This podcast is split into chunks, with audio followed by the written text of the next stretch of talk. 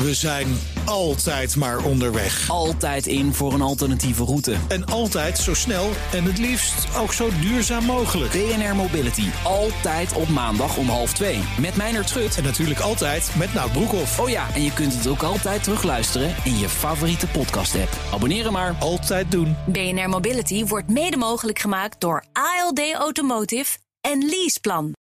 BNR Bouwmeesters wordt mede mogelijk gemaakt door Bouwend Nederland. De bouw maakt het. BNR Nieuwsradio. BNR Bouwmeesters. Jan Postma. Van huizen uit de jaren 50, 60, 70 en ga zo maar door worden weinig mensen echt enthousiast. Maar jaren 30 woningen, die zijn al jarenlang een succesnummer. Hoe kan het toch dat huizen uit die periode zo populair zijn? En hebben we daar nog wat, uh, kunnen we daar nog wat van leren voor al die huizen die er nu bijgebouwd moeten worden? Welkom bij BNR Bouwmeesters voor de bedenkers, bouwers en bewoners. De gast Jelte van Koper, architectuurhistoricus en verbonden aan Arkham en bouwkundig medewerker bij de Stichting Monumentenbezit. En Michiel van Rij, die heeft een net iets kortere aankondiging. Hoofdredacteur Architectenweb, allebei uh, welkom. Uh, laten we eerst eens even kijken naar uh, de stromingen van de afgelopen jaren. Welke is jouw favoriet? Uh, voor mij toch wel de, de, de Art Deco eigenlijk. Uh, dat is toch wat langer geleden. Uh, daar heb ik wel ja, een soort, soort zwak voor. En dan moet je bijvoorbeeld denken aan gebouw De Inktpot in Utrecht... of het Scheepvaarthuis in, in Amsterdam. ja, die theatrale sculpturaliteit van die gevels, dat, ja, dat, dat bevalt me wel. En ik begreep ook recent zelf een, een nieuw huis betrokken, toch? nou, binnenkort, binnenkort betrek ik ja. inderdaad een, een jaren dertig woning... waar we het ja. zo meteen over gaan hebben...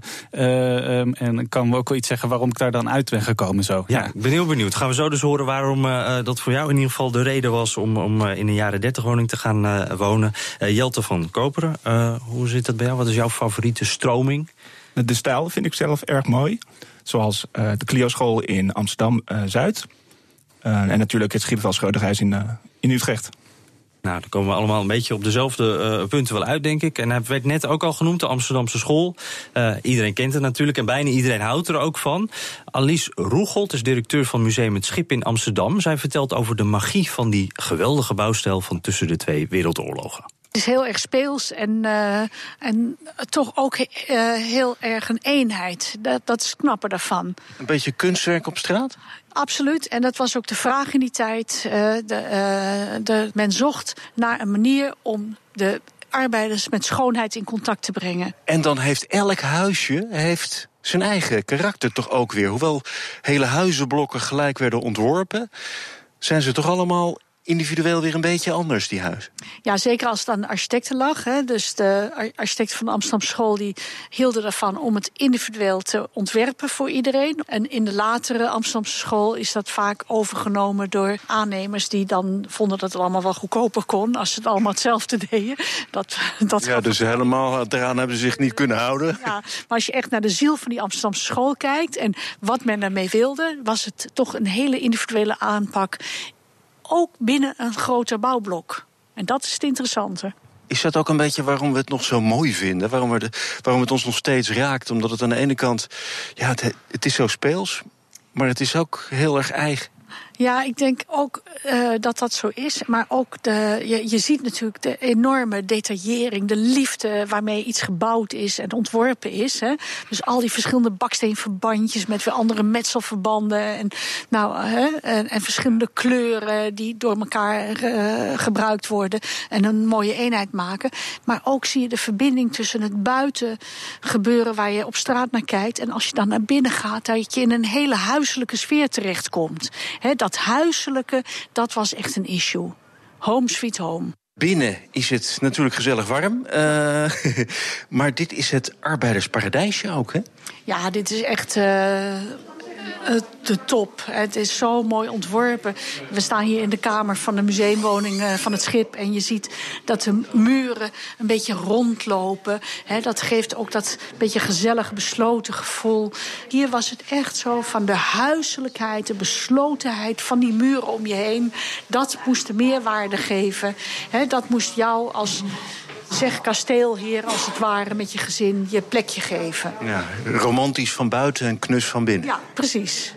Ja, Alice Roegel, directeur van Museum Het Schip in Amsterdam... in een verslag van Martijn de Rijk... die voor zover ik weet trouwens niet in een Amsterdamse schoolwoning woont... maar wel een beetje daar in de buurt. Uh, Jelte van Koperen, uh, als architectuurhistoricus vraag ik je dit nu eventjes. We horen die termen vaak door elkaar gebruikt worden. Jaren 30 woning, uh, Amsterdamse school. Wat is nou het verschil precies? Het verschil is dat de Amsterdamse school ingericht is als paleis voor de ehm, werkende klasse. En dus ook zwaar gesubsidieerd is. En eigenlijk ook voornamelijk vanuit de sociale bewegingen, de um, woningcorporaties is uh, ingezet. Terwijl traditionele jaren 30 woningen is dus normale stroming. Laten we zeggen, de Um, gewone middenklasse, de gewone middenklasse is een jaren 30 woning wat dat betreft. En die uh, de algemene jaren 30 woningen zijn die dan ook vaker wat luxer dan de Amsterdamse schoolwoningen? Die zijn wat groter inderdaad qua opzet. Ze hebben nog wel heel veel karakteristieken die ook in de Amsterdamse school terug zijn te vinden. Ja, ja, dus die Want die Amsterdamse school uh, zijn voornamelijk geveltjes. Met een achtergrond die natuurlijk wel licht, lucht en ruimte is. Mm -hmm. Maar die is daar niet specifiek op opgericht. Ja, ja duidelijk. Uh, Michiel van Rij, uh, we horen ook veel oog voor detail daarin, in dat soort mm -hmm. woningen. Hè? Ja. We hoorden net al, je zit zelf, uh, ga je ook in een jaren dertig woning wonen. wat is volgens jou nou de, de populariteit? Waar, hoe komt die volgens jou? Nou, het is wel meer dan alleen de stijl. Wat je, wat je ziet, ik heb dan een woning in Haarlem gekocht... en waar we naar zochten was op een centrale plek een ruime woning. En dan kom je al snel daarop uit. Want wat je ziet is dat ten opzichte van de periodes daarvoor en daarna... zijn de jaren 30 woningen net wat breder, net een grotere kavel. De straten zijn wat ruimer opgezet. Uh, dus aan alle kanten is het een hele praktische, uh, fijne woning die ook in deze tijd nog goed mee kan. En, en juist uh, ook in de goede wijken, dus als ik het zo hoor. Die wijken zijn prettig op goede plekken. Precies, ja, die liggen steeds centraler eigenlijk. Hè. Uh, toen ja. de tijd was het de, de stadsuitbreiding, maar inmiddels zitten er allerlei stadsuitbreidingen omheen. En zit je dus relatief dicht bij de stadcentra, staan ze nu. Mm -hmm. en, en die details, de mooie afwerking, de kwaliteit die je ook vaak hoort, is dat dan ja. toch minder belangrijk of speelt dat ook nee, wel mee? Nee, dat is, dat is zeker, zeker minstens net zo belangrijk. Uh, kijk, wat je zeker in die periode daarna, na de oorlog zag, is dat je een raam was een, een gat in de muur. En wat, wat in deze periode nog speelde, in de jaren 30 en ook de Amsterdamse school, was dat een raam had een randje, had een accent. een, een deur, als je een entree van een woning had, een stoepje, had een luifeltje, had een hele mooie brieven bus, had een, een mooie houtwerk in, in, de, in, de, in de deur. Hè? Het had een erkertje waar je dan als, alvast een stukje, een stukje van de woning in de straat ziet. dus aan alle kanten een, een verfijning die, die later toch wat verloren is gegaan. Ja, en, en hoe kan het dan, Jelte van Koper? Dat is allemaal gebouwd ook in de crisis, grotendeels toenmalige crisis. En, en, en, toch was er dan ruimte voor al die details en niet die lantijntjes. Dat is voornamelijk vanwege de ambacht. Toen was die nog heel erg belangrijk en werd daar dus heel erg op uh, gemikt. Na de Tweede Wereldoorlog is die uh, verfijning verloren gegaan. Voornamelijk ten faveur van grotere bouw en grotere, um, en grotere uitbreidingen en sneller werken. En dan denk ik, dan hebben we natuurlijk net na de Tweede Wereldoorlog woningnood. Dat verhaal kennen we allemaal. Ja. Maar zijn we dan wat blijven hangen in dat gevoel? Of, of? We zijn er niet in blijven hangen. Ik denk voornamelijk dat men weer teruggrijpt naar um, die jaren 30 woningen. Ook vanwege de bredere straat die men erbij wil. Vanwege het voortuintje waar die grote boom in kan gaan groeien. Vanwege die achtertuin. Dus het is niet um, alleen maar een groot huis. Maar zoals is aangegeven, het hele totale plaatje. -hmm. Daar zoekt men terug naar. Is die in de jaren 60 en 70 kwijtgeraakt? Nee, daar zijn hele andere ideeën over. Um, ook de manier van wonen werd in de jaren 60, 70 en 80 op een hele andere manier ingericht. Ja, want Michiel van Rij, dat, dat, dat is toch wat nauwer geworden. Die mooie groene staten, die, zie je niet zoveel meer. Uh, nou, dat, dat, dat weet ik niet. Uh, ik, ik, ik vind uh, va vaak straten nu uh, ook wel weer die maat terugkrijgen. Um, en ik denk, uh, ja, dat, dat, ik weet niet of we daar zoveel in hebben verloren. Wat je wel zag is na de oorlog dat eigenlijk de straat verdween in een veld. zeg maar, heel veel strokenbouw, flatgebouwen. Die werden vrij in de, in de, in de groene ruimte gezet, waardoor eigenlijk de straat verloren. En wat je ziet eigenlijk sinds de jaren tachtig, is dat daar toch een heroriëntatie op is gekomen. En dat we eigenlijk die straten weer terug zijn gaan vinden en toch de kwaliteit daarvan opnieuw gewaardeerd hebben. En, en, waar zitten we nu dan? Het is een soort golfbeweging die je eigenlijk schetst. Waar, waar zitten we nu dan in die golfbeweging? Ik, ik zou zeggen dat je na de Tweede Wereldoorlog een periode van modernisme hebt gehad, waar dat heel dominant is geweest, industrialisatie. Um, en dat we eigenlijk sinds de jaren tachtig in, in stappen eigenlijk ja, in zekere zin, we gaan niet terug naar wat er, wat er geweest is. Hè. Het is een heroriëntatie daarop. En het goede van het verleden, uh, waaronder mooie straten, uh, zijn ja, opnieuw uh, worden in de praktijk gebracht. En wat je nu ook ziet is, uh, dat zit heel breed, die, die herwaarderingen. In de, net na de oorlog liep bijvoorbeeld een binnenstad van Amsterdam leeg. Uh, terwijl het nu de een van de populairste plekken in Nederland is om te wonen. Um, je ziet dat overal grachten teruggebracht worden. Dus dat is een heel brede herwaardering van, van de stad, van de straten. Mm -hmm. um, dus de, in, in, je moet dat heel breed zien. En wat ik zelf momenteel interessant vind, is dat heel veel architecten ja, op, op een nieuwe manier uh, met die Amsterdamse school of met de jaren 30 stijl. Uh, uh, nieuwe uh, projecten uh, ontwerpen. Mhm. En wat ik, wat ik dan heel aardig vind, is dat in het afgelopen jaar is het beste woningbouwproject van Amsterdam, het beste woningbouwproject van Noord-Holland. Dat, dat zijn allebei woningbouwprojecten die iets doen met die Amsterdamse schoolgeschiedenis. dat op een nieuwe manier interpreteren, zodat het eigen is op die plek, in de stad goed past. Um, en dat is, dat is denk ik, ja, hoe, hoe, je moet ermee verder werken. en, mhm. het, ja, en het eren en het passend maken bij de plek. Ja, Jelte van Koper is dan ook een beetje cherrypicking, die de goede dingen eruit pakken, maar modern jasje? Jazeker. Je kan leren van, de, van het verleden en dus alleen de betere onderdelen ervan hergebruiken. Mhm. En dus verder brengen zoals uh, hier al gezegd is. Het is dus inderdaad een golfbeweging, het is een spiraalbeweging. Je gaat iedere keer weer iets terugpakken uit het verleden met de huidige maatstaf. En, en wie zorgt eigenlijk voor die golfbeweging? Is dit iets wat uh, door, door vraag komt, wat wij als consumenten willen? Of, of is dat ook door, door de economische toestand? Uh... Ik denk dat het een combinatie is. Je hebt altijd de gevestigde orde, vervolgens wordt daar tegenaan geschopt door mondige architecten, door uh, wethouders. En vervolgens gaat daar de rest in mee. En vervolgens is dat de gevestigde orde. Wordt daar weer tegen geschopt. En zo krijg je een spiraal of een golfbeweging. Ja, zo golven we dan prettig verder. Ja, die jaren 30 woningen die zijn al jaren ongekend populair dus. Maar hoe ziet het populairste huis van de toekomst er eigenlijk uit? BNR Nieuwsradio. BNR Bouwmeesters. We hebben zo'n miljoen huizen nodig de komende jaren. Bij de vorige woningnood ging kwantiteit ten koste van kwaliteit. Met als gevolg lelijke wijken. Hoe gaan we dat deze keer voorkomen? Hierover praat ik verder met mijn gasten. Jelte van Koperen, architectuurhistoricus en verbonden aan Arkham... en bouwkundig medewerker bij de stichting Monumentenbezit. En Michiel van Rij, hoofdredacteur van Architectenweb. Uh, Jelte, ik wil even met jou beginnen. Want je, net hadden we het er al over. Nou, je moet de goede elementen eigenlijk uit oude stijlen pakken... en daar, daar dan wat nieuws van maken. Dan denk dat is heel eenvoudig. Die jaren 30 huizen die zijn ongekend populair. Uh, laten we dat gewoon gaan kopiëren. Maak het wat moderner. Eén op één kopiëren. Ja, dan ben je er toch? Kan het uh, inderdaad zo? En dan heet je Ctrl-C, Ctrl-V architecten. Dan ga je als architect misschien een beetje aan jezelf uh, twijfelen. Maar ik denk ook dat je voornamelijk het hele context erbij moet hebben. Dus je moet ook weten dat je dichtbij een centrum uh, van de stad moet liggen die ook populair is. Dat, dat, je dat ook, kan niet altijd natuurlijk. Dat kan niet altijd. Nee. Je hebt altijd uh, het fenomeen rugdekking. Dus dat je weet er is nog een andere wijk die wel uh, de buitenwijk is. Die heb je ook nog nodig. Dus het volledig één op één kopiëren kan niet. Je moet het altijd aanpassen aan de situatie waar je je in bevindt. Maar je ziet wel veel van dit soort woningen. Zo'n soort, ik geloof een soort neo jaren 30 wordt het genoemd. Is dat, is dat nou, is dit wat de mensen willen eigenlijk? Het is dus wel wat de mensen willen. Uh, of het wenselijk is, is een tweede. Ja, want? want uh, je bent natuurlijk aan het kopiëren. Je bent um, niet je, uh, de, de toekomst aan het um, creëren. Je bent het, uh, het verleden weer aan het kopiëren. Ja, dus ik, ik denk ook dat we, vrij. Ja, ik denk dat we verder, verder willen met z'n allen. Uh, maar wel geworteld in, in, in tradities. En je vroeg van, is het dan inderdaad zo populair? Nou, er is onderzoek gedaan naar de prijzen van veel strakkere woningen versus retro woningen.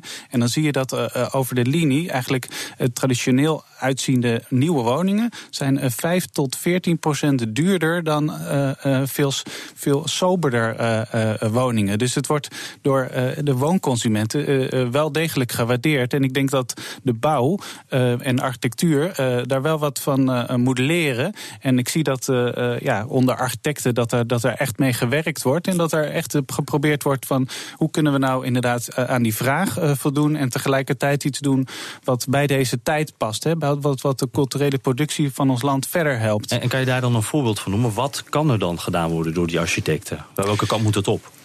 Nou, heel simpel. Uh, bijvoorbeeld uh, uh, het, het, gebruik van baksteen. Baksteen blijft heel erg mooi op, in de tijd. Uh, maar biedt heel veel mogelijkheden om uh, in het baksteenverband uh, variaties aan te brengen. Om te wisselen in kleuren, in, in, in afwerkingen. dus je kan er, kan er ontzettend veel mee doen om, een, om, om zo'n woning of een woonproject aan te kleden. En ik vind dat je ja, ook, ook een, een beetje een oproep richting opdrachtgevers. Bezuinig niet te veel op architectuur. Want op de lange termijn ja, uh, gaat, gaat zich dat wreken. Uh, zorg dat, dat, dat, dat een project er uh, verzorgd uitziet. Dat het een, ja, eer doet aan die, aan die geschiedenis. En, en de toekomst. Eigenlijk. Precies. En, en, dat vind ik toch wel ehm, ja, in de huidige tijd, uh, bijvoorbeeld in Amsterdam, uh, is er enorme woningnood, zou ik bijna kunnen noemen. Er is heel veel vraag naar woningen. Uh, er worden versneld allerlei locaties ontwikkeld. Ehm, maar ik vraag me dan, ja, ook de projecten die ik nu langs zie komen, dat is niet allemaal van de hoogste kwaliteit, als ik het zo snel inschat. Dat, daar moeten we goed op letten dat we wel die, die, die, die kwaliteit van de, van de architectuur goed in de gaten houden. Um, en dat we niet weer de, de fouten herhalen uit de, mm van, van de wederopbouw dat we toch heel snel heel veel bouwen. Uh, wat we dan later uh, ja, misschien niet zo gelukkig meer mee zijn. Nee, dat, dat lijkt me een heel goed punt. Jelte van Koper, hoe, hoe moeten we dat dan aanpakken? Want de, het geld wordt al genoemd. Ja, dat lijkt me altijd de bottleneck, toch? Het mag niks kosten tegenwoordig. Klopt.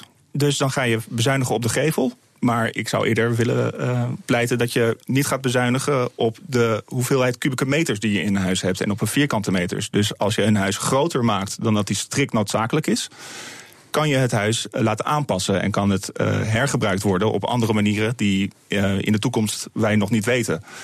Daardoor kan je een, een kwalitatief goed huis maken Daarentegen moet je ook heel goed nadenken over naast de gevel, naast de ornamentiek, ook echt om uh, de buurt daaromheen mhm. kloppend te maken.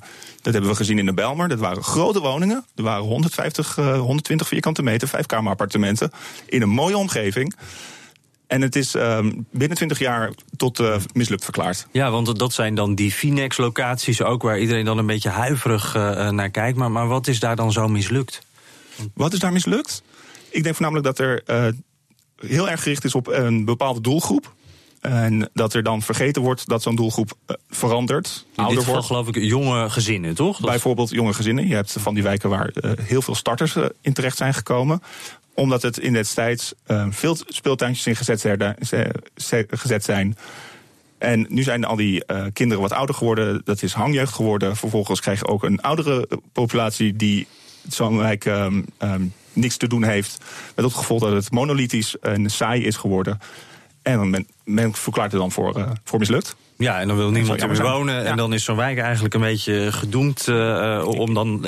ik, ik, weet, ik, weet, niet of we de Finex-wijken uh, zo, zo, zo, moeten neerzetten. Kijk, ik denk dat je uh, in de naoorlogse... ik ben het helemaal met, met Jelte eens dat, dat het natuurlijk gaat om de omgeving. We moeten een hele goede omgeving maken met voorzieningen... goed aangesloten op openbaar mhm. vervoer, goed ontsloten. Tegelijkertijd goede groenvoorzieningen maken. Maar ik weet niet of de, de Finex-wijken zelf zijn denk ik ja, worden wel verguisd vanwege. Ik denk meer vanwege de eenzijdigheid. De saaiigheid. Uh, dan, dan dat het niet werkt. Ik denk dat mensen daar eigenlijk heel gelukkig zijn.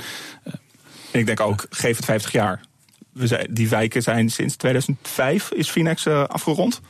Dat is nog geen tien jaar geleden. Dus geef het tijd, wat dat betreft. Ja, ja. Is het dan uh, meer een imagoprobleem eigenlijk? Ja. Dat, uh... De Belmer was in destijds uh, verguisd en tegenwoordig is het hip en trendy. wil iedereen weer de Belmer in. Ja, oh, dat hoor ik nog niet zo om me heen, maar ik hoor wel dat het beter wordt inderdaad. Ja, maar zouden die Phoenix-wijken zou dat dan, eh, zouden we bij wijze van spreken over twintig jaar daarop kunnen terugkijken? Denk je van, nou dat was eigenlijk helemaal zo slecht allemaal nog niet. Dat, eh, Dat, dat, dat, eh, dat zal de tijd moeten Ja. leren. En ik, ik denk ook dat je daar wel op een interessant punt komt. Dat je niet te snel conclusies moet trekken over wijken. Hè? Van, ook de, ook de, de Belmer-flats, er zijn een heel aantal van gesloopt. Maar er is nu eentje, Kleiburg-flat, die is opnieuw eh, ontwikkeld als met kluswoningen. En eh, in die zin heel, goedkoop, kan je heel- zelf aanpassen. Heel succesvol. En ik hoorde een van de bewoners eh, zeggen van dat hij in, het heel aardig vond om in, in een soort tweedehands utopia eh, te wonen. Ehm, en dan zie je ook, daar, voel je een beetje de herwaardering hè, er alweer in. Dus we moeten wel oppassen met te snel conclusies trekken. ehm, en te snel naar de sloopkogel te grijpen. Ehm, en ja, momenteel vind ik dat ook wel met, met de bloemkoolwijken, met de woonerven. Is dat ook wel een, een beetje een thema van eh, houden we er nou van of vinden we het eigenlijk vreselijk? Maar ja, dat, dat heeft ook een beetje tijd nodig. En misschien zit daar wel een herwaardering eh, eh, ja, eh, aan te komen. Ja, ik, ik zie, er wordt eh, hier geknikt. Het, het, het, eh, Het is bouwen is altijd lange termijn, hè? Ja, het is natuurlijk ook schaal. Als je eh, grote projecten in één keer neerzet in 10, 15 jaar. Dan kan je altijd wel erop uitgaan dat er een paar stukken zijn waar ehm, problemen in voorkomen. Terwijl in een kleinschalig eh, hoekje wordt meteen gezien als een succes. En ook daar geef het tijd. We zien wel. Ja, geef het tijd. Dank. Eh, Jelte van Koper, architectuurhistoricus en ook eh, bouwkundig medewerker bij de Stichting Monumentenbezit. En Michiel van Rij, hoofdredacteur van Architectenweb. Kopen of huren? Hoe herken ik een betrouwbare makelaar? Waar vind ik een goede klusjesman? Weet je wat? Ik vraag het Fred. Ja, Fred is weer in de studio. Ze beantwoordt elke week een bouwvraag. En deze week de vraag: ik wil een gipsen muur schilderen. Maar dan moet ik altijd een heleboel lagen over elkaar heen verven voor het echt dekkend is. Kan dat niet sneller? Nou, Fred, vertel. Ja, bij een gipsenwand moet je eh, eerst voorstrijken met een zogeheten voorstrijkmiddel. Dat eh, kan al een heleboel eh, schelen. Niet alleen scheelt het in tijd, maar ehm, het is ook heel belangrijk. Want als je dat niet doet, dan haakt hij niet goed aan aan de ondergrond. Dus dan krijg je gewoon, kan hij gaan afbladderen en is hij lelijk. En een gipsenmuur zuigt het op. Dus dan, ja, dan moet je echt. Spons. Ja, een soort spons. Dus dan moet je echt een heleboel lagen doen. Dus zowel voor de, voor de uitstraling is het mooier. En eh, ja, voor de kwaliteit. En dus ja, je hoeft minder laag te verven. Dus zorg nou dat je eerst dat voorstrijkmiddel erop eh, smeert. Maar ik, ik moet dus altijd wel meerdere lagen verven. Daar blijf ik aan vastzitten. Ja, daar blijf je wel echt aan vastzitten bij een gipsen ondergrond. Eh, Dat is helaas niet anders. Maar er is wel goed nieuws. Er is een nieuwe ontwikkeling. Dat vertelde Johan Mendel van eh, verfbedrijf eh Wijzonol mij. Eh, deze, dit middel, dit voorstrijkmiddel, is tegenwoordig ook te verkrijgen in kleur. Normaal was het altijd doorzichtig. En je kan elke kleur die je, waar je muur in wil verven, kan je, kan je bestellen.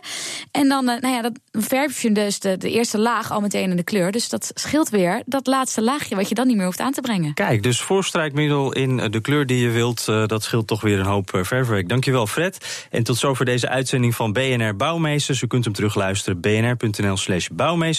En we zitten ook op Twitter, dus hebt u een tip of een vraag voor Fred, BNR Bouw, of mail uw suggestie naar bouwmeesters.bnr.nl. Dank voor het luisteren. BNR Bouwmeesters wordt mede mogelijk gemaakt door Bouwend Nederland. De bouw maakt We zijn altijd maar onderweg. Altijd in voor een alternatieve route. En altijd zo snel en het liefst ook zo duurzaam mogelijk. BNR Mobility. Altijd op maandag om half twee. Met Meijner Schut. En natuurlijk altijd met Nout Broekhoff. Oh ja, en je kunt het ook altijd terugluisteren in je favoriete podcast-app. Abonneren maar. Altijd doen. BNR Mobility wordt mede mogelijk gemaakt door ALD Automotive en Leaseplan.